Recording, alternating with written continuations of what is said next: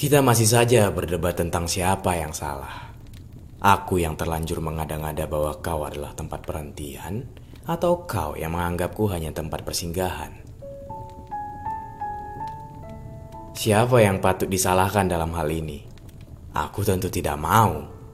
Sebab perhatianmu acap kali membuat duniaku berhenti. Kalaupun berputar, porosnya menjadi sempit. Belakangan baru aku tahu bahwa aku bukan satu-satunya yang mengitarimu. Ternyata kau terlalu terang untuk menerangi satu orang. Tapi itu bukan alasan. Bukankah kau jadi harus bertanggung jawab dengan gelap yang kemudian aku tanggung? Menjadi sendiri dan bersalah dalam satu waktu itu tidak enak. Setidaknya ambillah satu dari dua hal itu dariku. Tapi sebagaimana matahari, kau tak ambil pusing dan menerangi siapa pun yang kau mau. Bukan yang membutuhkanmu. Anehnya, walaupun tanpa cahayamu, aku malah makin santer bergelut dengan bayang-bayang. Bayang-bayang itu bernama masa lalu.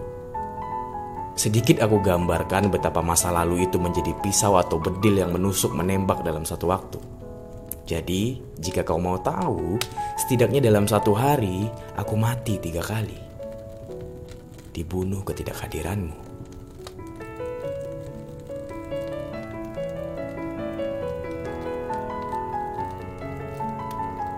Kalau kau bilang menemani kesedihan, menghibur jika ada masalah, ada ketika dibutuhkan atau hal-hal privasi lainnya sangat lumrah dilakukan sepasang orang tanpa harus jatuh cinta, bukankah itu sedikit gila?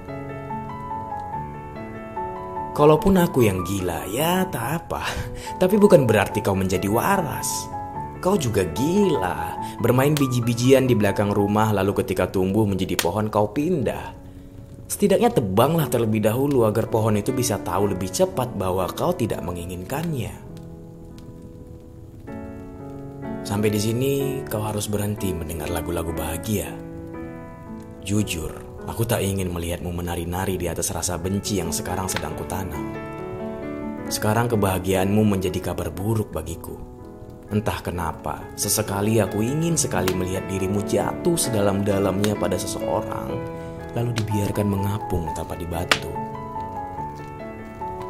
Barangkali setelah semua itu terjadi, aku bisa hidup lebih tenang.